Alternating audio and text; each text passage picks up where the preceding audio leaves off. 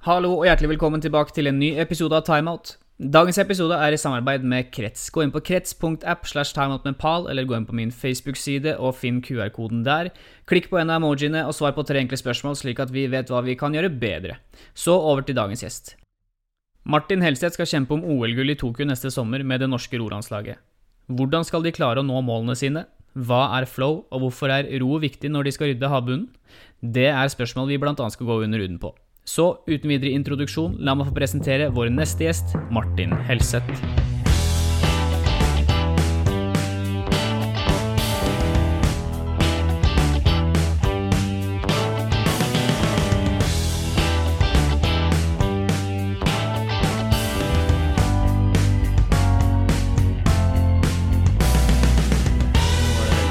Du må velge selv, rett og slett. Ja. Martin Helseth, velkommen eh, til deg. Takk for det. Det er eh, søndag morgen, det er grått vær ute, men det er jo sånn høsten er. Og jeg tenker, du er jo fra Ålesund.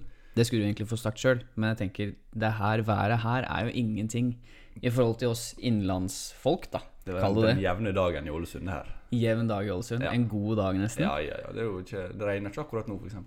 Nei, det er jo ikke det, men det er på en måte den, den stusslige Du vet, jeg vet ikke, kanskje vi er Vi er jo veldig kresne, vi på Innlandet. da Vi er jo ikke vant til vær i gåsetegn, sånn som dere er. Nei, jeg hørte en sånn eh, Det var, det var prat om, om storm. Det er så mange eh, Oslo-folk Ja. som, som sier at nå, nå er det storm. Og så hørte jeg statistikk da om at det hadde vært storm én dag på Blindern de siste 20 åra. Og på. Stad, som er det ikke så langt fra Ålesund, men der hadde det vært 20 dager i løpet av en måned. Så, så vind, det kan vi. Vind kan du. Ja. Hvor store forskjeller er det på ja, Oslo nå da, og Ålesund? Altså en, en oktober, hvor, hva, hva er det vi kan se? Du, altså, din hverdag om, altså, omgås jo å være i vann. Jeg tenker på hvordan er forholdene når du, hvis du skal ut og trene i Ålesund kontra i Oslofjorden. Det må være, kontrastene må være gigantiske. Ja, så i, i Ålesund så ror vi jo på fjorden. Da har vi en ganske stor åpen fjord, og så kan man velge litt ut fra vindretning hva vei man ror, da, for å prøve å unngå de største bølgene. Ja. Det er ikke vinden i seg sjøl som er den største utfordringa, men det er på en måte at det eh, blir det mye bølger, så blir det vanskelig å få noe sånn teknisk utbytte av roinga. da. Så på, når, det er, når det er mye vind, og det er mye ja, høststormer, og det kommer innover Vestlandet, så er det mye krevende forhold. da. Ja. Men hvor, hvor avgjørende er det? Altså vind eller uh, retning, da? Er kanskje det er mer uh, viktigere, det? Altså hvilken vei vinden blåser, er kanskje viktigere enn styrken? Ja, så får du vind rett imot eller rett fra hekken, så går det veldig fint uansett. Får du sidevind, så er du eh, ganske Ja. Er ikke masse veldig høy i hatten. Da var, det da var det mindre teknisk utbytte, var det det du kalte det? Ja, så det er en lang, tynn båt som blir kasta rundt i alle retninger. Så man, måtte ikke noe man, Det er vanskelig å finne en slags flyte i det hele tatt, så man må starte på nytt igjen hvert tak for å, for å komme seg framover. Ja, uff, det er tungt. Ja. Da kommer du ikke i dytten heller, da. Nei, man gjør ikke det.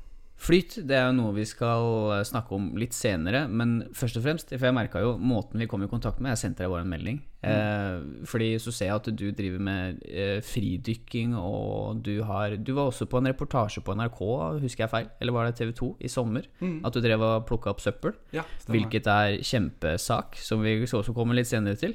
Men du har jo aller først roer, har jeg forstått det sånn? Det stemmer. Det er det du bruker tida di på, Det er det jeg lever av, kan du si. ikke sant? Ja.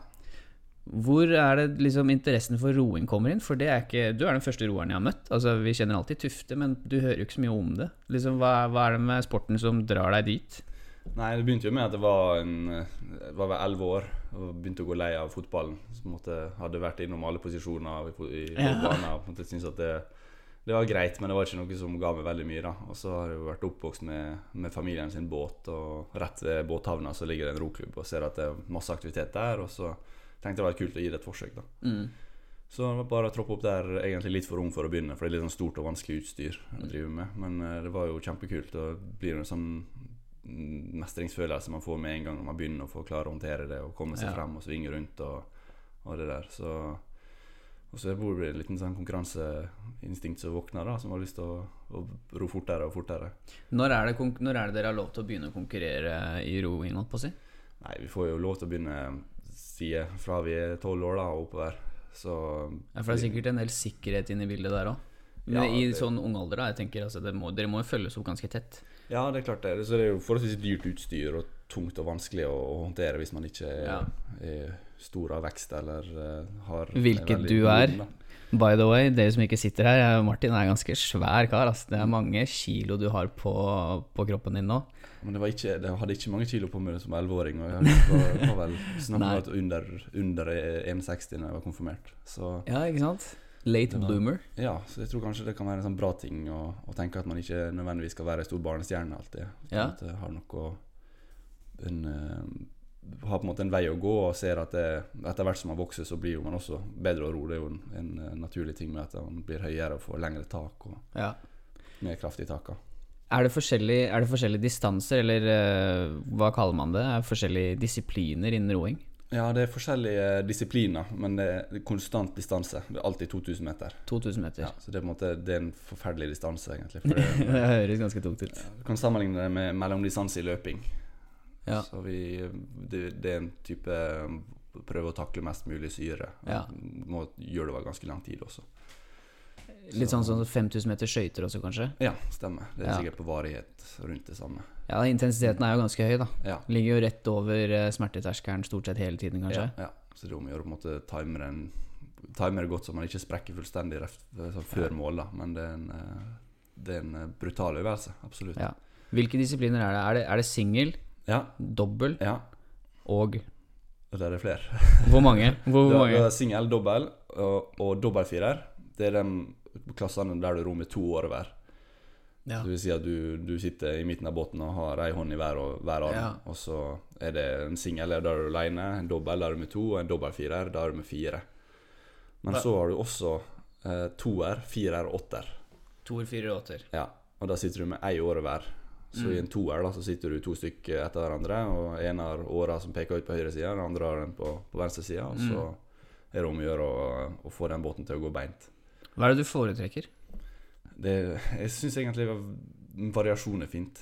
I singelskala så får du jo testa det i, i, på, på det personlige planet og få konkurrert på og på en måte se hva du er god for i, i det sjøl. Mm.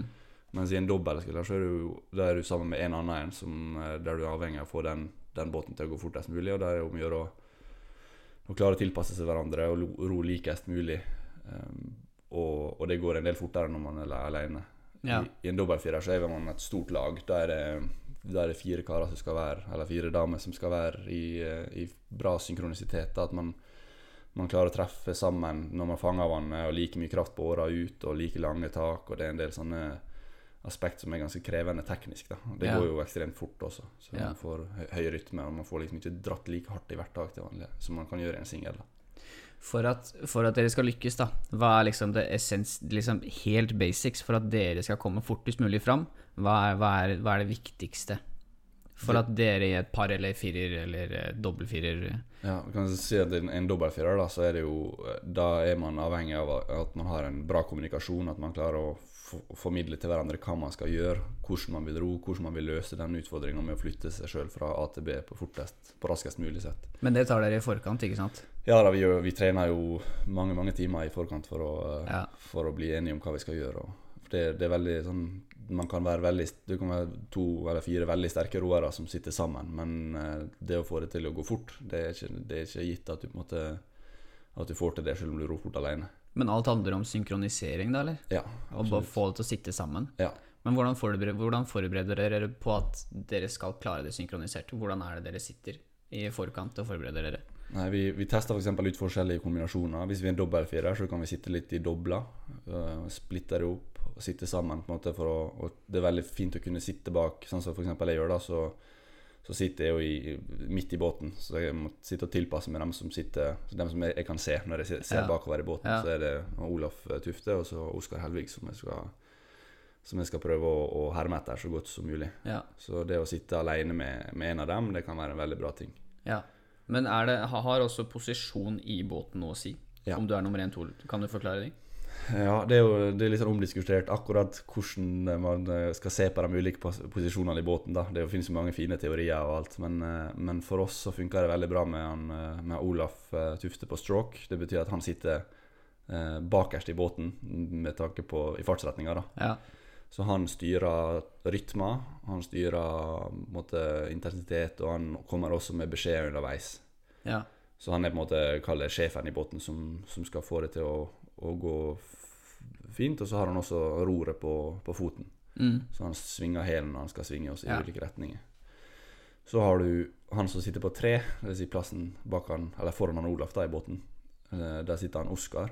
Han er veldig flink til å sitte og, og følge, eh, følge det han Olaf gjør, og er veldig flink til å videreformidle den eh, informasjonen han kan klare, å få fra rotaket. Da, for å, Mm. måte, man sier at han som sitter på tre altså Vi har fordelt oss på én, to, tre og fire. Olaf er på fire, Oskar er på tre.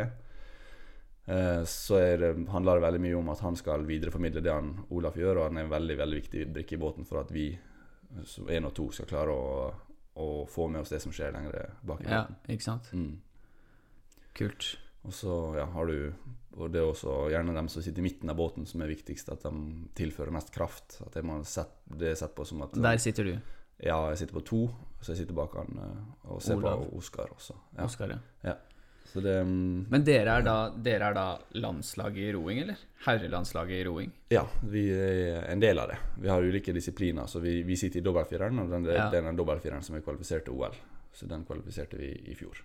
Men hvor kult er ikke det, da, at du skal til OL? Ja, det er kult. Når enn det skjer, da. Ja, å håpe det skjer. Ja, da skal jeg følge med, altså. Ja, Fordi folk sitter jo på en måte og følger med på Olav, men nå kjenner jeg Martin, så da har jeg dobbelt grunn til å følge med. ja, men det er hyggelig. Ja, det, må, det blir spennende, det, altså. Hvor mange, hvor mange timer er det du klokker eh, i løpet av et år? Når vi snakker alle treningstimer, hvor mange timer er det det går på?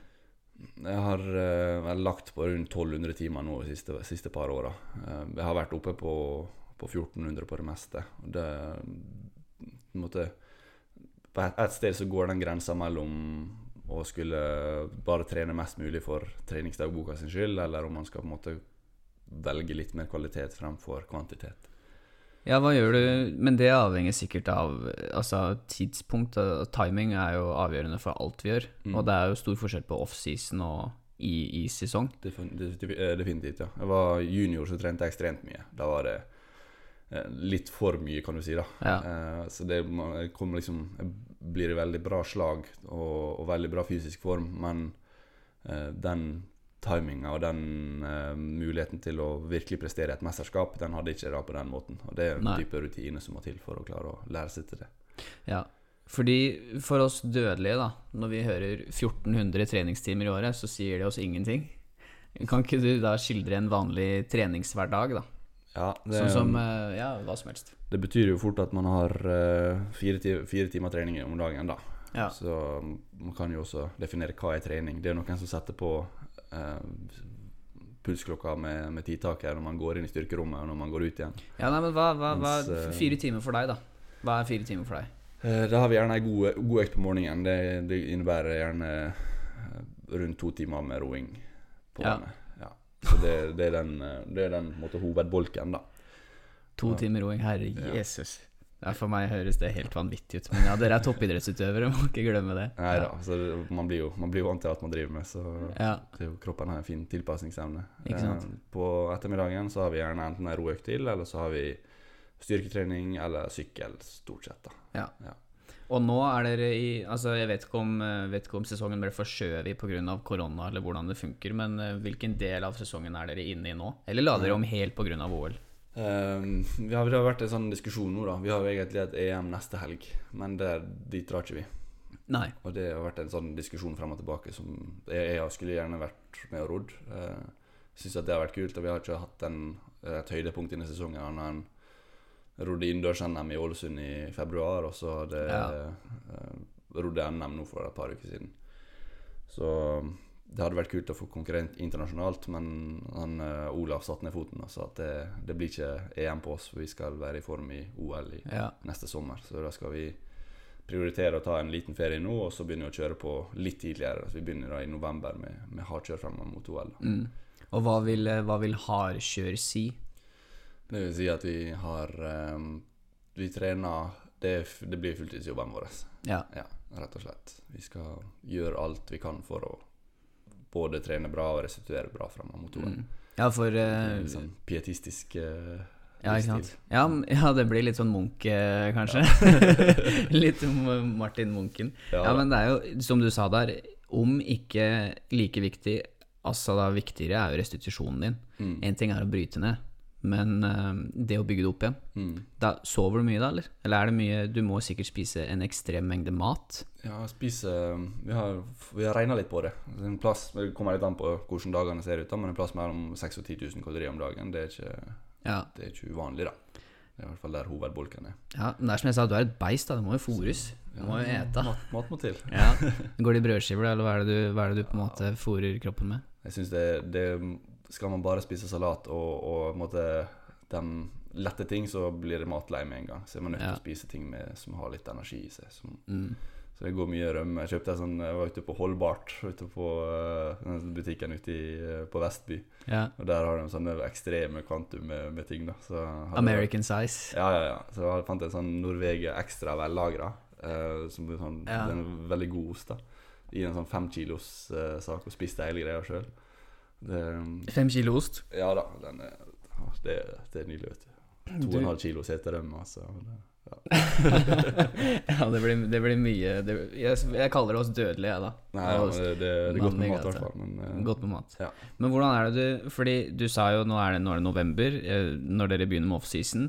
Hvor, hvor viktig er det med kvalitet framfor kvantitet? Selvsagt, dere er toppidrettsutøvere, dere har et mål. Jeg regner med at dere har som mål å ta medalje. Ja. Helst gull. Ja. Det hadde vært det kuleste. Mm.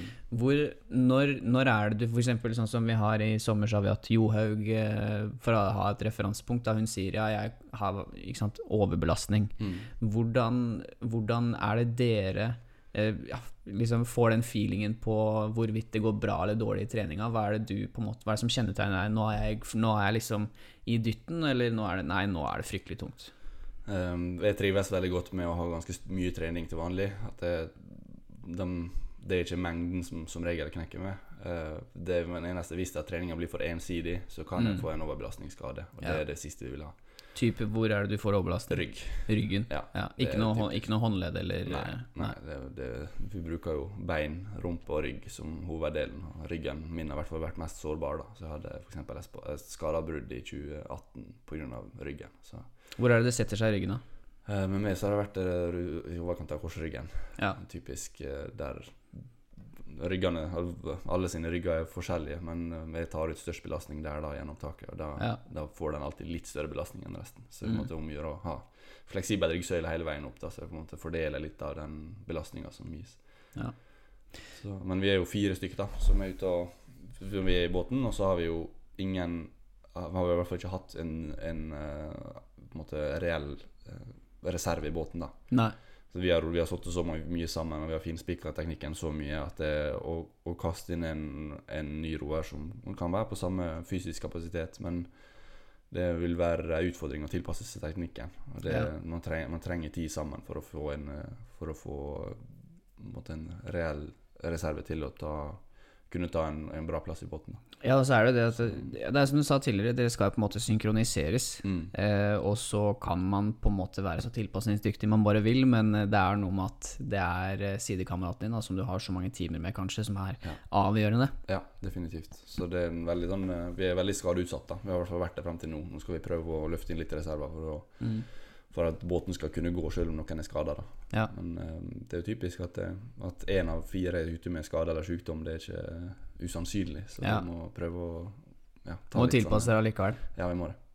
Men når dere er ute der da, og tikker så mange timer som dere gjør, eh, hvordan eh, Fordi et moment som jeg syns et av mine hjertebarn, det er på en måte opplevelsen av flow, Mm. og det å være i sonen. Og du som roer sitter jo med en takt som din beste venn for at du skal kunne, for at du skal kunne holde tempo, eller Ja. dere. Hvordan er, hva, er, eller hva er dine erfaringer med flow?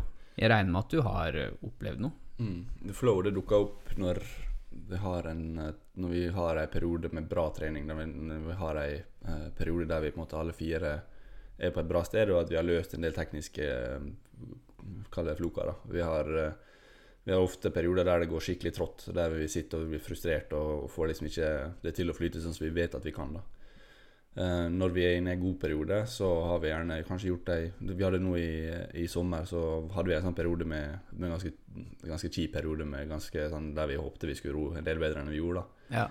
Um, så gjorde vi litt innstilling på båten, og treneren hadde sett et par ting som vi kanskje kunne endre på for å prøve å, å få det til å funke, og det var bare Det var som å trykke på en bryter, og da funka det. Ja, Hva var den endringen, da? Det var at vi flytta litt på hvor fot, fotbrettene våre sto. da Så vi fikk eh, litt mer tak um, langt fremme. Det litt sånn, høres litt komplisert ut, men, uh, Nei, hvis, men når vi er strekker bra, oss, strekker oss så langt frem som vi klarer, så får vi litt ekstra lengde der, og så får vi litt mer tid gjennom vannet, så det føles ut som. da Ja. Vi kan henge mer. ja, ikke sant. Så du har rett og slett et lengre fraskiv, kan jeg kalle det? Ja, så det er mindre, det er mindre åpning bak, da, kan du si. At vi, vi drar, når vi drar armene inn inn til kroppen, så er det mindre avstand mellom årene når vi er inne i livet, enn når vi er fremme. Ikke sant. Fordi, ikke sant, flow uh, kjær, Kjært barn har mange navn. Mm. Sånn sett, og flow kan jo på en måte Det er jo mange som har forskjellige Du har noen som kaller det runners high, ikke sant. Så er det noen som kaller det flow, og så er det mange forskjellige måter å beskrive hva flow er for noe. Mm. Eh, noen sier at de mister kontroll på tida. Altså, hvem har ikke kjørt bil noen gang, og så plutselig er du hjemme. Så husker Ja. du ikke hva Du har hatt opple- opplevelsen, ikke sant? Ja, ja, Sitter og kjører bil, og så plutselig så er du på gårdsplassen. Så husker du ikke at du er Du kommer jo i flow i alle typer sammenhenger. Absolutt. På arbeidsplassen, i en båt, når du er ute og løper, og hva som helst. Mm. Men hva er det du Hva er ditt kjennetegn når du Hvis du, hvis du er bevisst da og tenker på en måte Ok, nå sitter jeg i dytten, nå har jeg flowen, nå er det bare å gunne på. Hva er det liksom Hva er det du kjenner? Er det, hvordan kjennes kroppen ut? Eh, du kan dra en, en liten sammenligning. Så Hvis du tar en sykkel og så setter du den opp ned, Ja. så skal du eh, tenke at du skal bruke hånda di til å holde fart på hjulet. Eh, og, og det hjulet bare Du bare gir det en liten dytt, og kjenner at det, du gir det ekstra fart hver gang du tar på det.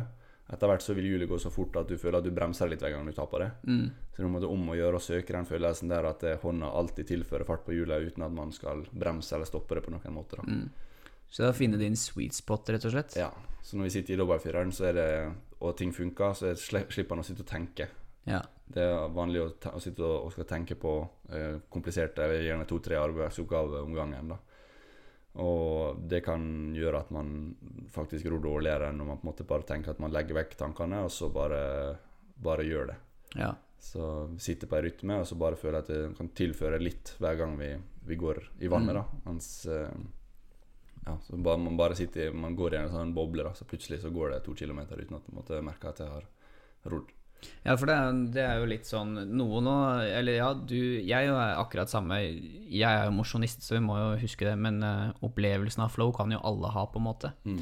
Greia mi er jo det, sånn som du sier, du har, kommer i en rytme, men du har, det, sier, det må jo også sies at da er du jo forberedt til det du skal gjøre, du har et klart mål på hvor langt du skal. Eh, alle disse tingene her. Vi skal dra inn litt teori, da. Du har et fast mål på hvor du skal, du har fulgt en rutine i forkant, sånne ting. Jeg og på en måte Hvis du drikker en liter kaffe før du skal ut og løpe, så får du ikke flow, for du må på do. Skjønner du? Ja, Litt sånn satt på spissen, da. Ja. Det må, alt må ligge til rette. Men ja, det er det å komme i den rytmen. Jeg tror kanskje det er der eh, folk opplever flow flest. Det er i hvert fall det faglitteraturen viser til. Mm. Eh, hvordan, kan du, hvordan kan du si at laget opplever flow? Er det det når alle sitter og pusher sammen da, eller? Ja, Når alle sammen er enige om at det her var bra. Ja, ikke sant. Ja. Men kan dere også kommunisere på det under løpet? Eh, Det, den kommunikasjonen som går underveis i løpet, den er ganske minimal. Man sitter jo med syropa ut Sitter og poster. Ja, ja. Og, men vi har, så vi har egne, eh, egne beskjeder underveis. Det kan være eh, så kodeord, da. Men vi, vi sier gjerne ikke at ting er, er bra underveis. Vi bare eh, Vi sitter på toget. Det er gjerne Hvis det blir stille, da går det ofte bra. Ja. Så man måtte tenke at man, man trenger ikke å si noe, fordi at nå bare sitter man på den, den flowen man har, uten å måtte skulle jage opp rytmer eller si, at nå må vi gjøre det og det for å ro bedre. Liksom. Alle, alle kjenner det på en måte, at nå, Ja. nå glir det. Ja. For det handler jo om momentum til syvende og sist. Altså hvorvidt klarer du å gå fort mulig fra A til B. Ja. Raskest mulig. Ja. Du sa du hadde kodeord. Hva, hva, hvilke kodeord er det vi har? Si at um, et enkelt ord som man bruker, eller vi bruker en del, det er ordet ti. Ti. Ja, det er normalt så betyr det at vi skal Det, det man lærer som junior, er at titak det betyr at du tar i, som, du tar i mer i titak. da Ja. Men egentlig så er det bare en liten sånn påminner om at vi, vi skal være litt skarpere både inn og ut av vannet. Prøve å, å gjøre små tekniske detaljer som gjør at båten får bitte litt mer fart. Du skal ikke ta i mer, du skal ikke tenke at det skal løses med kraft i det hele tatt. Det skal bare løses med timing. Så litt sånne, sånne ting. Og så har vi jo beskjed når vi skal Hvis vi skal begynne en langspurt, da, så gir jo vi beskjed om at vi eh, bare Det kan være sånn opp eller kjør eller Ja. Et eller annet sånt. Så det, det er jo veldig korte, korte beskjeder, men vi har avtalt hva det betyr i forkant. da Ja. ja, men dere har jo deres språk, eh, og det betyr Ti betyr jo da 'kom igjen, gutta, nå kjører vi på'. Eller Ja, altså eh, bare litt, litt, litt skarpere. litt skarpere. Ja. Mm. Ja, men det jo, dere har jo deres må måte å prate på. Kult. Hva er den, hva er den deiligste følelsen uh, med å ro? Jeg liker Det er jo litt uh, Det er to, to ting som er deilig. Det ene er når du drar ut en tidlig morgen i Ålesund. Det er, fjorden kan være litt sånn lett tåkelagt, og det er soloppgang, og det er helt flatt. Kanskje dukker opp en sel. Litt sånn naturopplevelse rundt Ja. det. da Eh, Det synes jeg det er helt magisk. Gjerne hvis jeg er helt alene, ikke en, ikke en eneste. på- Tidlig om morgenen? Ja. Ja. Så det er jo typisk at man, man skal jo egentlig ikke dra ut og ro alene, fordi det er jo en viss risiko forbundet med å sitte på en sånn liten flis. Men når jeg har sittet så mange timer, så begynner jeg å, å føle meg trygg, da. Ja. så det er ofte jeg drar ut og, og ror, og så bare, bare sitter og, og ror. Man kan ro 20 km uten at det på en måte blir slitnere, fordi det er så fine omgivelser. Og, og det. Mm. Ja, du havner i Um, flyten der òg, rett og slett? Ja, ja. Mens i en konkurranse, da, hvis du sitter etter halvrodd løp og vet at de andre har åpna for hardt, i dem i båtene ved siden av, så er det en sånn magisk følelse med å bare kunne sige gjennom feltet. Vite at du skal, nå spiser du dem opp? Ja, vi hadde en veldig fin, veldig fin opplevelse i, den, eh, i det finalen vår i, i VM i, i fjor. Vi hadde, da hadde vi bare en, eh, en fin tur med Vi, vi havna ut langt bak i starten. Eh, Vi måtte være topp to for å komme videre til OL. Når er det her? Det var i VM i fjor, i, det var vel i september. Ja. Så da, da havna vi i en B-finale etter det blitt eh, Vi ble vel slått av Kina med 0,3 sekunder i, i semien. Så, Ah, var, så da havna vi i den B-finalen, og det er på en måte dødens finale, da. Ok, hva, hva, Ja. hva betyr det? Man sier at det, det, er to, eh, det er to båter av seks som kommer videre til OL. Ja. Så blir du én eller to i B-finalen, så er du liksom Da vinner du. Hvis du Ja. ikke gjør det, så er du ute. Og det vet jeg at det er mange som pleier å gi en sånn mulighet. Altså, Så OL betyr jo alltid roing. Så Ja. man vil jo gjerne at, man, at det løpet da skal du være der uansett. Og det, det var ganske jevnt nivå. Vi rodde bl.a. mot Ukraina, som var verdensrekorden. Vi rodde mot Storbritannia, som også var Som hadde vel ca. samme tid som oss i semifinalen og var favoritter også. Og de har jo lange tradisjoner med å ro bra i, i dobbeltfire. Så New Zealand er jo en sterk ronasjon. Så. ja. Så russerne slo oss i forrige regattaen, så vi var liksom ikke trygge i det hele tatt på at det Nei. skulle gå. da Og så fikk vi en elendig start der vi var Jeg lurer på om vi var to og et halvt, tre sekunder bak etter 500 meter. Det er ganske mye. Så ja hvor, hvor mange meter er det? Nei, det er nok til at vi ikke ser konkurrentene våre. Ja, To-tre sekunder. Ja, Hvor fort går det da i gjennomsnitt? Nei, rundt 20 km i timen. Ja. Så, men når vi ikke ser dem, vi hører dem på sida vår, så vi bare vet at det, de kan ha åpna fart. Vi kan ha bare drept oss fullstendig ut og bomma på, på formen. Men eh, Ja, fordi hvordan, hvordan skal du dømme det når du sitter der? For du sitter jo og ror eh, Altså, du, du beiner jo av gårde, på en måte. Du ror jo steinhardt, og du kan jo ikke orientere deg så mye. Som du sier, du har jo puls oppi, ja. rett oppunder hakan. det er rett og slett rutine. Ja. Så det gjelder vel i de fleste idrettene at jevn fart, det, er- det er en, en bra ting. Mm. Motstand i vann det, det dobles jo med kvadratet når man dobler farta. Så, Ja. så man vil gjerne ligge på én fart gjennom hele løpet, og så bare sørge for at den gjennomsnittshastigheten er er raskere enn konkurrentene. Så. Ja. Men så er det jo mentale aspekt i tillegg. da Men med mer rutine så lærer man seg til at det, um, man må bare stole på det man gjør sjøl. Når er det dere fant ut at dere, Altså, etter den elendige starten, da. Mm. Hvordan er det dere Når er det dere fant ut at Eit, vi klarer det her allikevel, kanskje? Kom igjen. Ten. Ja, etter- Power ten. Etter um, 600-700 meter da begynte vi å se bakendene på, på et par av de andre båtene. Så vi visste at vi på en måte var, hadde positiv trend. da Og så har vi han Olaf i båten, og det er jo en veldig trygghet på at eh, han, han har rodd fort før. Han vet at det, den siste kilometeren det er det som på en måte kan gjøre en forskjell. da Mm. Så vi begynte å knabbe på, oppover ganske fort eh, fremover mot halvrodd løp, og da var vi a jour og egentlig prøvde å Vi var vel en halv båtlengde, en god båtlengde bak Storbritannia. Mm. Så vi skulle prøve å, å ta dem igjen, og det ble jo et rotterace. Men New Zealand hang seg på oss også på vei oppover. Så det var eh, Så 500 meter før mål, eller 400, så, så satt eh, New Zealand åra si fast i vannet. Nei. Så det er jo typisk at man kanskje går litt over evne, eller gjør, har et lite, lite uhell. Så setter åra seg fast, og så stopper båten momentant. Gjør det? Ja. Så Shit. da- Ja, fordi den da setter seg i manen, og så bare bremser den Ja. åra. Og, den er, og da flyr jo dere av gårde, sikkert. Ja, sånn relativt til de andre så går det jo veldig mye fortere. Ja. Så det er jo en sånn, det er den verste skrekken man kan ha. da det er, man, man vil jo gjerne er- man, er man helt sliten, Eh, er man helt utbrent i innover firer, så er gjelder det bare på en måte å sitte på toget, da, som vi sier. Ja. Ikke, ikke tenk at du skal tilføre noe, men heller følge rytmen og bare bli med til mål. Ja. Mens uh, setter du åra fast, er du syndebukken med en gang. ja, men det her er toppidrett, altså. Ja, det er det. Det er jo sånn det er. Skiskyting òg. Ja, ja. Siste, siste stående der. Det, det er er det er brutale greier. Og det sitter mye i huet. Det er, er ikke så nødvendigvis Altså, på hvis, trening. hvis man begynner å tenke at det, det, skal, det her skal være i hvert fall ikke gjøre Ja, da gjør du det da- mest sannsynlig. Det er Murphys law, eller hva det heter for noe. Alt som kan gå galt, det går mest sannsynlig galt. Hvis du tenker på det. ja. Men hvordan er det, å, er det å jobbe Altså, snakke litt om Olav, da. Mm. Eh, hvordan er det å ha tre OL-medaljer i båten din og vite at han her han har, han har gjort det her så mange ganger tidligere? Er det en betryggende følelse, eller gjør det deg for trygg? Eller liksom Jeg regner med at han er en type kaptein, kanskje? ja, han blir jo en slags uh, Han er jo en slags spillende trener, da. Som Ja. han sammenligner med andre Spillende trener, ja.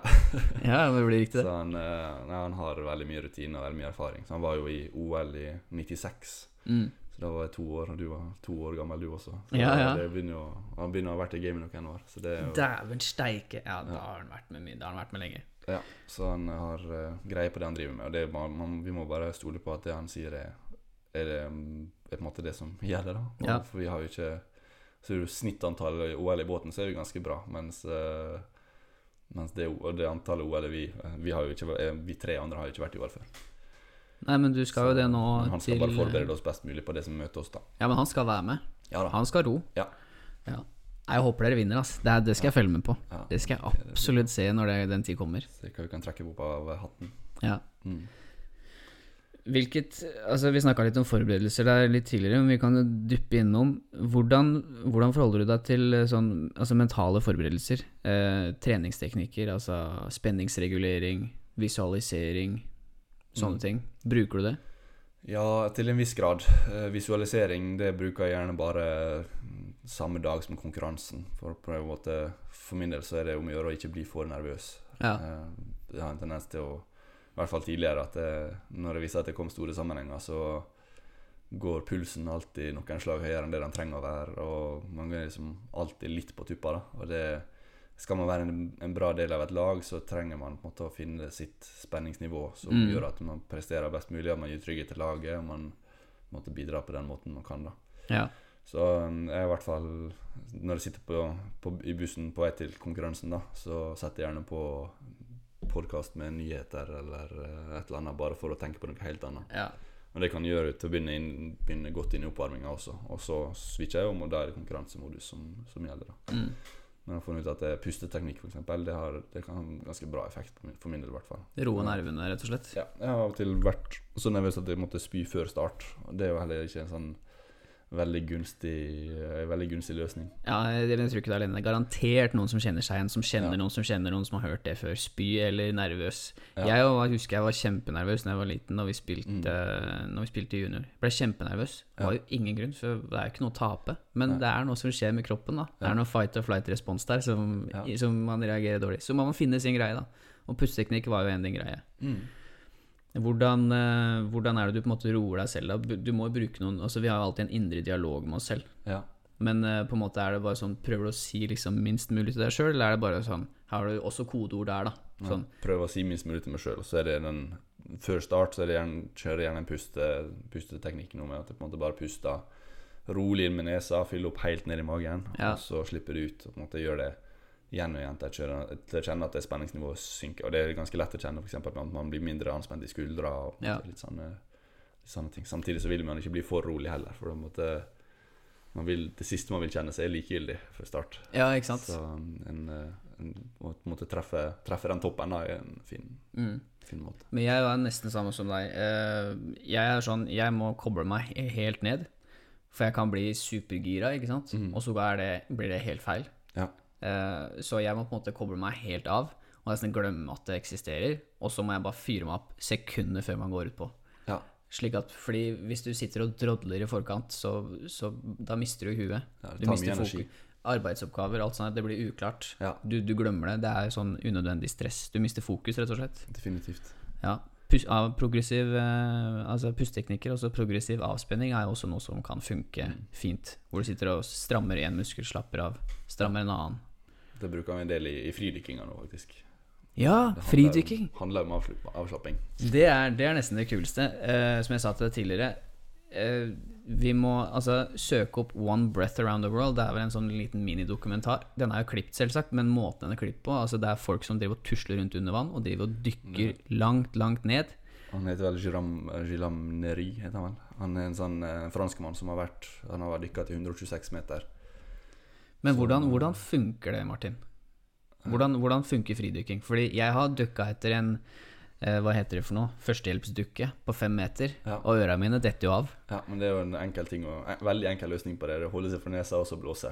Ja. Og da, da utligner du trykket i, i øregangene, og så kjenner du ikke noe mer. ja, men til 140 meter? Altså, han, han typen der, han, hadde, han skulle prøve å sette verdensrekord, for den eh, verdensrekorden var vel på eh, 130 meter. da Det er en eh, russer, Molchanov, som har tatt den. Ja. Um, så skulle han prøve å sette ny. Og han, eh, så arrangøren gjorde ei tabbe. da Så I stedet for å sette tauet på 130 meter, eller 131, eller hva han skulle ta, så var det plutselig 10 meter ekstra. Ja. Så han eh, blekka ut da når han var rett under overflata. Så det Da svartna han? Ja. Ja, fordi hva er det som skjer? Du, du har jo drevet Sånn som jeg så senest, nå husker jeg ikke når det var, men du la ut, en, eh, du la ut et bilde av at du var på vei ned Ja, i ja. mørket. Ja. Var det i går, eller noe Ja, sånt? stemmer. Ja. Da dykka du ned til hvor langt? Jeg var på 30, 37 meter. Jeg syns det er dypt nok. Jeg, jeg har bare Jeg har, jeg har tenkt det å, å holde pusten De nevner å holde, holde pusten, så har jeg forstått at er, jeg syns det er fascinerende.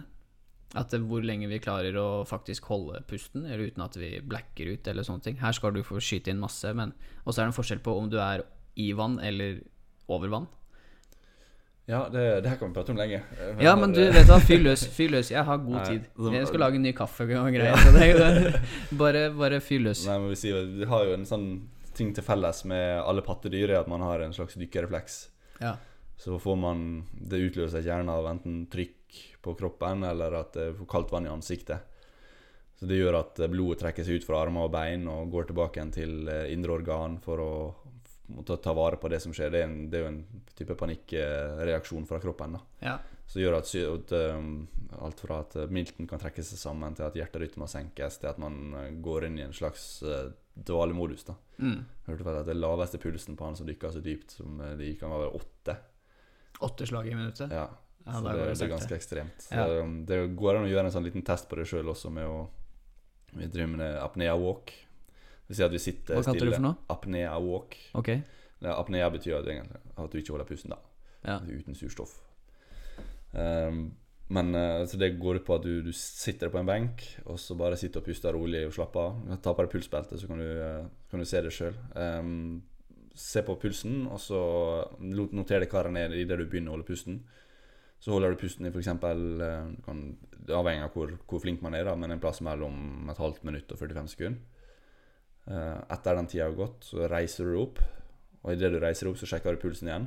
Da er den mest sannsynlig blitt litt, litt lavere enn det han var når du satte ned, eller når du dro i gang og trodde du hadde sittende hvilepuls. Mm. Så går du i 45 sekunder eller 30 sekunder, avhengig av komfort. Så sjekker du igjen, så vil han mest sannsynlig ha droppa litt til Ja. mens du går. Og det er, en, eh, det er dykkerresponsen som slår inn. At kroppen går inn i forsvarsmodus og skal spare så mye krefter som mulig. Så, du, så du, hold- du holder pusten, gjør noe med nesa? Jeg har sett noen av de, de puster inn og ut veldig mye for å bare kvitte seg med Uh, nei, det gjør, jeg gjør ikke noe annet enn å bare holde pusten. Det, det du refer- refererer til, det er Wim Hof-metoden. Okay. Som er den uh, typen Da puster du gjerne veldig hardt. Uh, og, og hyperventilerer, da, som vi sier. Ja. Hva kalte du det for noe? Uh, Wim Hof-metoden. Wim Hof? Wim Hof det er ned, en nederlender som er blitt kjent for, eh, for den metoden der. Ja, ok. Så, ja.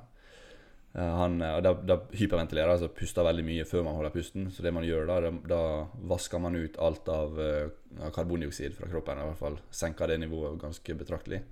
Som gjør at man Og det er jo den nivået med karbondioksid i kroppen som sier fra at du har lyst til å puste igjen. Ja. Så når du vasker det bort, og så begynner å holde pusten, så kan du holde pusten i en evighet, føles ut som. Det kan være kjempedeilig. ja, ikke sant? Uh, gjør du det under vann, da er det livsfarlig, for du vet ikke når du går tom for oksygen. Nei. Så den uh, At kar karbondioksid, når det stiger, så vil du kjenne at det, det blir veldig ubehagelig. Hvis du eh, flytter den terskelen ganske mye lenger ned, så vil du, så vil du ikke kjenne det før du på en måte Det blir svart. Ja, for da bare Da, da, da blacker du ut, er det det du Ja, sier? ja. Så holder du pusten bare med etter å ha pusta vanlig, så vil du kjenne den trangen til å puste før oksygennivået blir bli for lavt. da. Ja. Hvor lenge kan du holde pusten nå? Jeg tipper det er rundt fire minutter. Fire minutter? Ja, Det er ikke noe ekstraordinært på noen som helst måte. Nei, men det er når du da Er det da å ligge helt stille over vann, eller er det i vann? Det er fire Kan- minutter, Kan ligge i vann på magen. Ja. Ja. Fordi jeg har prøvd eh, idiotisk Ja, ikke prøvd sånne ting, men jeg inspirert av uh, lest litt for meg sjøl, ikke sant. Eh, doktor Gu Gu Google-doktor, Ja, ja, ja. litt den der, der. Ja, men den her kan du jo prøve selv. Prøvde litt sånn progressivt. Endte opp på tre og et halvt minutt til slutt. Men når jeg da pusta, og da hadde jeg masse sånne trekk Altså Ja, kon kontraksjoner i kontraksjoner, ja. Ja. Så tenkte jeg men det går fint, fordi de sier jo det går bra. Ja. Burde jo ikke si sånne ting, men uansett, da. Eh, masse kontraksjoner, ligger der, kjenner at følelsen i fingra mine går bort. Vet ikke om det var en ubehagelig eller behagelig følelse. Det trenger ikke være så veldig vondt. Nei, det, det gjorde ikke vondt. Det var bare ok, nå begynner det å bli nummen i fingra. Det begynte å bli kaldt, fordi Ja. alt blodet gikk jo inn til hjertet. Mm. Liksom tær og fingre ble bare kalde. Men når jeg da fikk puste igjen, så holdt jeg på å svime av. Ja. Kjente jo bare Alt ble bare disete. Det, det, Ja. det innpustet og det første utpustet der, da holdt det på å svime av. Ja, Pusta du hardt før du begynte? Jeg tok det ganske rolig, egentlig. Ja. Jeg prøvde sånn veldig Jeg lå egentlig bare på, på sofaen Ja. Mm. og liksom prøvde å roe meg helt ned. Og så hadde jeg noe progressivt da før jeg kom til tre og et halvt. Ja. Først var jeg på minutt, ikke sant, og så roer du det ned, og så ett og et halvt, og så sånne ting. Men burde jo helst gjort det i vann, for da hadde du den der eh, mekanismen, hva kalte du det for noe? Ja, altså Hvis du får kaldt vann i ansiktet, så får du dykkeresponsen, som, Ja. eh, som gjør at den, den eh, effekten forsterkes litt. da Du skal få ta med meg ut på fridykking en gang. Ja, Vi må begynne på fem meter, kanskje. Ja, da, det, det går fint. Så lenge du klarer å utligne det, så kommer du ned på ti. Hvor, hvor, hvor langt har du kommet ned, da? Hvor ned langt? på 37. 37 meter? Ja. Så vi jeg er med på et kurs da for å prøve å dykke til 40. Ja. Så det nærmer seg. Men eh, det jeg også tenker, da, er jo når du er der nede Altså, nå har du dykka mye, da. Én en ting er at du dykker etter søppel, som er på en måte sånn en heroisk greie. Gir deg kanskje et mål og mening med den fridykkinga. Men opplevelsen, for det første Jeg hadde ikke vært komfortabel med å flytte, altså, dykke ned på 30 meters dyp. Oslo, Oslofjorden er jo mørk. Hadde vært, svart, ja. hadde vært i Karibien, så hadde, så hadde det vært greit, for der er lyst. Ja. Bekmørkt i Oslofjorden. ja, det blir eh, fort, fort mørkt. Hvordan Er ikke det litt sånn småskummelt?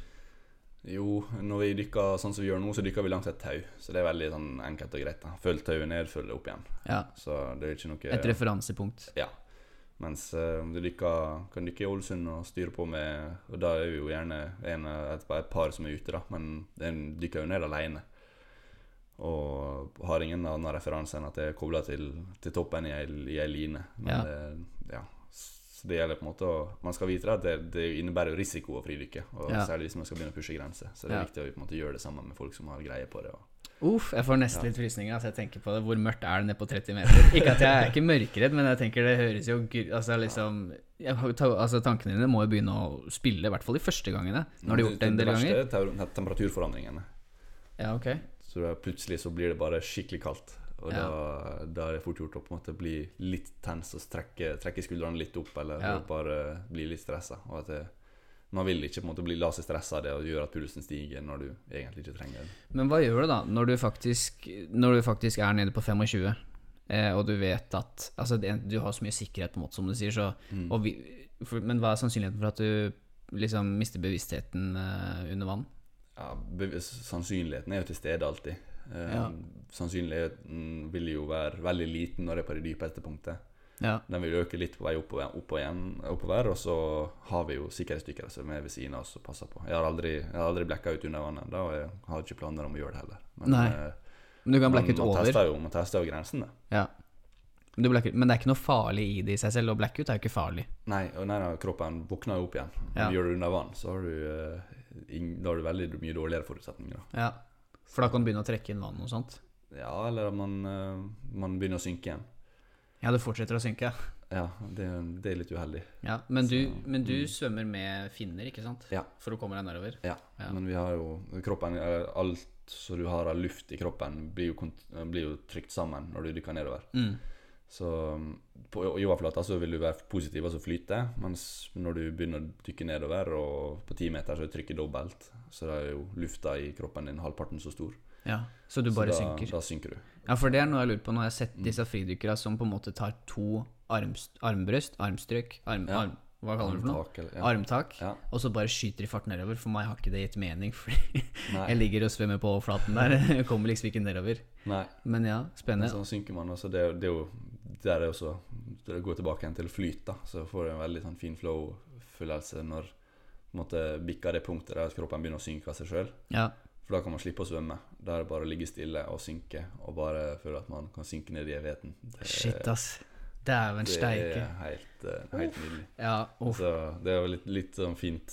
Forrige, forrige gang jeg var ute og skulle sette pers, så kommer jeg jo ned på Ligger, ligger gjerne fra, fra rundt mellom 15 og 20 meter, da, så går det over i den frittfallfasen. Ja. Så ligger der og, og synker i Det blir jo i 15 meter, da, i hvert fall. Mm. Og bare lukke øynene og bare kjenne at det, det går fortere og fortere nedover. Um, og på bunnen så er det festa et lys, så bare når det kommer nært bunnen, så begynner det å lyse opp på utsida. Så er det på tide å åpne opp øynene og gjøre vending, og så begynne å svømme oppover. da Men når du skal svømme opp her, så, så synker jeg fremdeles ganske kraftig, så man er nødt til å jobbe ganske hardt. For å komme deg opp igjen, rett og slett? Ja, ja. Ja. Det første stykket. Og så blir man mer og mer positiv på vei opp igjen, da. ja, for jeg tenker det er jo Altså, det er mental game Ja.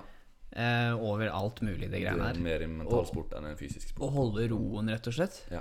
Altså jeg tenker Hvis du er litt redd for uh, fisk, eller hva man er for noe, gjedde, hvem veit. Ja, Eller, hadde, hadde en, um, en av instruktørene mine Han er jo han er oppvokst på Filippinene og Ja. egentlig vant til klart og fint vann. Og, Mm. sånn at man, man kan jo gjerne dykke veldig mye dypere i Syden fordi at det er såpass mye snillere omgivelser. Ja, og så er det det at Men du før, før vi skulle dykke ned, så så han en sel. Ja. Og, da, og, og, og vi gjøre en øvelse der han svømmer ned til 15-20 meter og så tar av seg maska og så svømmer opp igjen uten maske. Og da fikk han en sånn mental blokk på at det, hva om den selen kommer og, og føker med han og gjør et eller annet. Ja, ja. ja. Uff. Ja, nei, det er mental game. Men Ja. faen så kult at du har funnet den greia. Fordi en ting Nå har jeg sittet her bitte litt og hatt noen intervjuer og sånt. Jeg har vært Mm. heldig og fått eh, intervjue noen som er langt om for min, eh, for min liga, og så har vi liksom eh, vanlige kamerater og sånne ting. Mm. Og det, det, som, det som går igjen, da, det er jo det at så, så lenge man har noe man syns er morsomt å drive med i hverdagen, så kan du drive med hva som helst. Absolutt. Har ingenting å si hva du gjør. Om du er glad i å være snekker, eller om du vil ro, eller om du vil jobbe i en økonomi, eller som det har ingenting å si så lenge du trives. Og fridykking av alle ting, det òg kan du finne fred med. Nei, fett. Da har du jo faktisk eh, noe å bruke Altså, du har jo et mål med fridykkinga, fordi du skal jo plukke Altså, du plukker jo søppel. Det var den der eh, reportasjen jeg så tidlig i sommeren. Ja, jeg begynte vel egentlig um, å plukke Jeg har plukka i flere år. Um, sånn, når jeg har vært ute og fridykka, så finner jeg ting som ikke hører hjemme der, så tar jeg liksom og fyller opp fangstnettet med, med boss, og så Mm. tar du med til land. Og så tenkte jeg at det på en måte Det er en ganske ok ting å gjøre. eh, Særlig når du er ute og jakter og føler at jeg kan skyte en fisk og ta livet av fisken og ta Ja. den med på land. Og liksom alt det som føler at jeg tar noe, men det er veldig fint å kunne gi noe tilbake igjen til havet. da på en måte Ja. Eh, Så um, når koronaen kom, da så dro jeg bare rett hjem til Ålesund. Vi var på, vi var på samling i, i Portugal, og så fikk vi bare beskjed om å dra hjem og karantene og ja. ta det så det kommer. Så da var jeg hjemme litt en stund, og så tenkte jeg at jeg kunne jo kanskje bare sitte der og, og ikke gjøre nei. Så da starta jeg en sånn spleis for å prøve å samle inn litt penger for å på en måte drive mer aktivt med den uh, båsplukkinga. Ja. Så det har blitt eh, Det tok jo satt jeg satte opp et mål for å plukke fem tonn. Så Mm. Det betyr 50 000, da. Jeg tenkte at det kunne være et sånt eh, fint eh, prosjekt. Og så fikk jeg jo bare så mye positiv oppmerksomhet og så mye um, ja, kunne drive mer på, på fulltid etter hvert. Så, ja, så jeg har jo fått inn finansiering til 6,8 tonn med, 6,8 tonn, ja. ja, Ikke sant? Fikk lokale måte, forhandlerne, eller dem som driver med Boss-håndtering i Ålesund, de uh, sponsa meg med en container, så jeg kunne bare fylle opp den på Satt den på roklubben. da, Så dro ut og enten rydda i fjøra eller dykka under vann og plukka opp ting. Og Ja. styrte på med, med det i tillegg til den vanlige treninga. Men uh, det var sånn det var masse folk som ville være med ut og, og, og plukke og styre på. Ja, ikke sant? Det var, en eh, sånn eh, kjempefin greie. Holdt på gjennom hele sommeren og, og plukka og plukka. Utrolig hvor mye dritt vi klarer å kaste ut i vannet, ass. Ja, det er ikke Det, det, er, ikke, det, er, ikke, det er ikke grenser på det. Nei, det er ikke det. Nei. Nei, det stopper ikke. Nei, Du har jo ikke slutta ennå. Du fortsetter jo. Absolutt. Ja, uff. Hva er, liksom, hva er det du finner Hva er det du finner nedpå der? Er det bildekk, eller er det komfyrer, eller hva er det det, hva er det, det går i? Jeg får, nå begge, begge de tinga. Begge delene? Ja, ja. Nei, jeg finner, det kommer litt an på hvor det går, da. Men uh, typisk at det som ligger i fjøra, det er ting som flyter. Type Ja. lett plastikk, uh, tauverk, eh, forskjellige ting som ikke synker. Og så under vann så finner du de tinga som synker. da Ja. Så um, bildekk, det er veldig mye det på, på bunnen rundt Mm. om. Og det er som eh, Noen gang er det enkelt, enkelt å se hvor det kommer fra, da, med at det er kai der, det- der man bruker Ja. fender, altså, eller store bildekk som fender, da, mens, eh, som har falt ned, mens andre plasser så finner du midt uti i Langt utafor alt annet. Så Ja. man må kaste det fra båt. Hva er det sjukeste du har funnet på havbunnen? Jeg fant en sofa. Du fant en sofa? Ja, Det var litt stilig også, nesten. På havbunnen, Ja, liksom? Ja, sto på ti meter, den. så Jeg kan se for meg. noen bilder. Så har vi en, eh, en undervannsfotograf som eh, heter Vasco Pignol, som holder til i Ålesund han også. Så han har vært med rundt og dokumentert en del av det vi har funnet. Så det har blitt ganske stilig bilde. Kult. Du må lage en sånn minifilm da Ja. av alt det greiene her. Ja, ja. Du må lage litt sånn Eh, showbiz på den spleisen så ligger det jo Laga en powerpoint der jeg tok bilde av, av, av alt som jeg fikk opp. Og så på ei sånn vilt vekt, så jeg har gjort litt sånn forseggjort, da. Ja. Med navnene navnet til dem som har donert. Ja. Så hvis det er noen som har donert 1000 kroner, da, så er det 100 kilo. Mm. Så har jeg tatt uh, bilde av de 100 kilo, og så skrev navnet på dem som har donert. Så måtte jeg se- tilbake igjen til akkurat Ja, ja. Så det er alt fra bildekk til ja, garn krabbeteiner til uh, ja, store tauverk og små inngangsplass. Jeg fant en sånn uh, liten pakning for uh, vakteleggsmajones laga i Russland i 2009. ja. Så det bare sånn ligger på ei Er ikke, er ikke det litt sånn skremmende å tenke på at uh, vi på en måte Vi kaster de greiene her, og så tenker vi det ut av verden, men det, har, det kommer til å ligge der til eh, du kommer og plukker det opp, da. Ja da.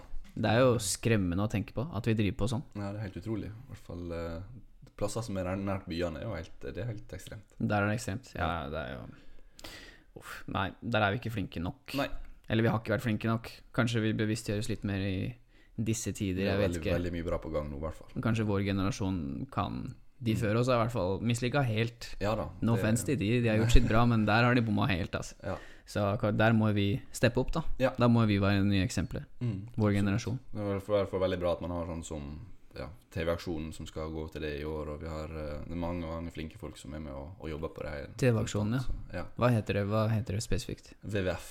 WWF? Ja, det er Verdens naturfond som har den i, Ja. i år. da Det var den 15., tror jeg. Kult. Mm. Da må jeg hjelpe for det. Når er den? Eh, 15. oktober. 15. oktober. Ja. Da skal jeg sørge for at denne episoden kommer ut 15. oktober. Bra. For å begynne med fridykking, da. Er det noe du vil anbefale for andre, f.eks.? Å bli, å bli, å bli OL-utøver i roing, det er litt vanskeligere. Men sånn eh, mosjonsfridykking Hvor Eller for å sette det konkret, da. Når jeg da sender deg en melding eh, på våren igjen nå, når, det blir litt, når vinteren er over 'Martin, skal vi dra ut og fridykke?' Så sier du ja. Ja. Hvordan blir min første fridykkingstime? Det blir nok i den kjipeste plassen i Norge, tipper jeg, å fridykke på. Indre Oslofjord. Indre Oslofjord? Ja. Okay. Vi holder, vi har, Sparrows Oslofjord er en, eh, en fridykkerklubb som holder til nede på Bekkelaget. Ja. Så der er det, har utstyrslager og driver både utleie og kurs og, og forskjellig. Og der er det bare det, det Fordelen med fridykking er at det er kjempelett tilgjengelig. ja. Sammenlignet med f.eks. flaskedykking, så, det, så krever det en del utstyr. Du må fylle tank, du, må, du får ikke med alt utstyret på sykkelen f.eks. Eh, Med fridykking så trenger du ei våtdrakt, hansker, sokker, maskesnorkel, uh, svømmeføtter, bly.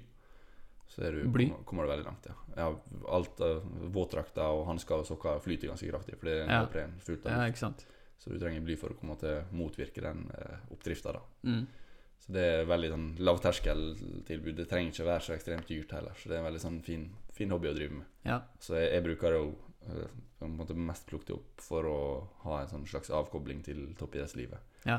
For det, det er stort sett prestasjonsjag og, og ting som man må tenke på hele tida for å på en måte prestere. Så kommer du hoppa ut i sjøen og stikker under vann, så glemmer du både tid og sted og kan gå to-tre timer uten at jeg måtte tenke på noe annet enn det som er rett foran øynene mine. Så det er en uh, veldig sånn fin avkoblingsmetode, det også. Du er en sånn flow-jager, du. Ja, det kan Jager si. flow. Ja. Ja. Nei, men flow er Man kan kalle det flow, man kan kalle det lykke, man kan kalle det mye forskjellig. Kall det hva som helst. Ja. Kjært barn har mange navn. Ja. Mm. Yes. Altså, nå har vi tatt eh, Jeg tror vi har tatt det aller meste, nesten. Jeg vet ikke. Hva motiverer deg til å stå på morgenen? Det er vel sånne um, små øyeblikk av glede, da. Mm. Finne ting som jeg syns er gøy å drive med. Så jeg måtte tenke at jeg mm, trenger ikke alltid å gjøre det alle andre vil at jeg skal gjøre, men mer at jeg på en måte skal ut og finne ut hva jeg hva syns er gøy. Hva kan, kan jeg drive med det i dag, hvordan kan jeg gjøre det. Ja. Så jeg skal ut og dykke nå med Der er en som heter Vidar Holmen, som jeg skal ut og fridykke med nå etterpå. Han er en kar som hadde Han eh, ble han, Det er ikke så veldig lenge siden han ble kreftfri. ja. Så han har bare gått tilbake til den tanken om at han skal også ut og Han syns at det gøyeste han drev med før han Eller når han var liten, det var fridykking. Så da ble han kreftfri. Så hoppa han ut tilbake igjen til utstyret, og han svømmer ned på 55 meter, eller hva det er nå. Så han er Shit, altså. Ja. Men eh, ja. Det er som jeg sa, må bare finne din greie. Ja. Finne noe du er fornøyd med. absolutt Er det noe vi ikke har eh, nevnt? Ja, forresten, hvordan har du tenkt til å Hvordan har du tenkt å ta OL-gull? Det er et godt spørsmål. Det blir en eh, Mange som har prøvd å finne ut det. Ja da, det er jo alle som driver med roing, har jo drevet og tenkt på det, da. Nei, mitt, eh, mine tanker er å prøve å gjøre den eh, Nå har jeg på en måte prøvd og eksperimentert så mye, og på en måte nå må jeg bare stole på den greia jeg har, og den greia laget har. Ja. Og bare regne med at det er så bra. Vi har et veldig bra samarbeid, vi har på en måte kommunikasjon som fungerer. Vi er et ganske lite landslag sammenlignet med konkurrentene våre. Ja. Det kan være fordeler, det kan være ulemper med det. Jeg tror at det kan være en, en fordel i og med at vi får, får ut det beste potensialet fra oss fire som er i båten, ja. som mulig. da. Vi får et skreddersydd opplegg som kanskje ikke så veldig mange andre får.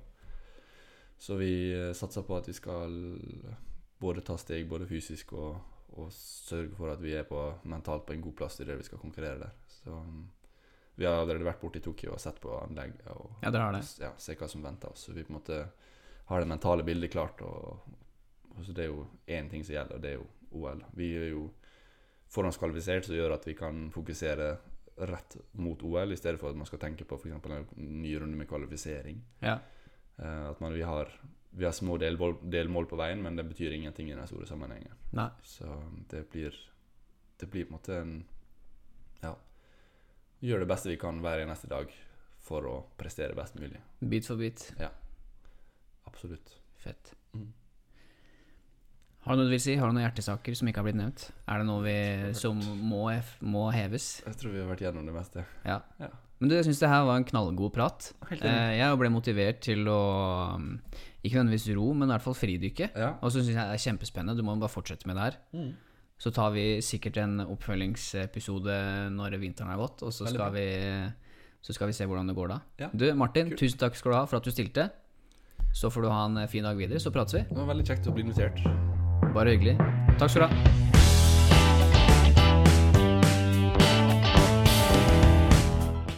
Tusen takk for at du hørte på episoden, og takk til eh, Martin som stilte opp. Det var en hyggelig prat, og satte stor pris på det. Klikk deg gjerne inn på iTunes og gi en vurdering der. Spre budskapet, og ha en riktig fin dag videre. Igjen, takk for at du hører på, så snakkes vi i neste episode. Da er det Sander Andersen som er gjest. Ha det bra.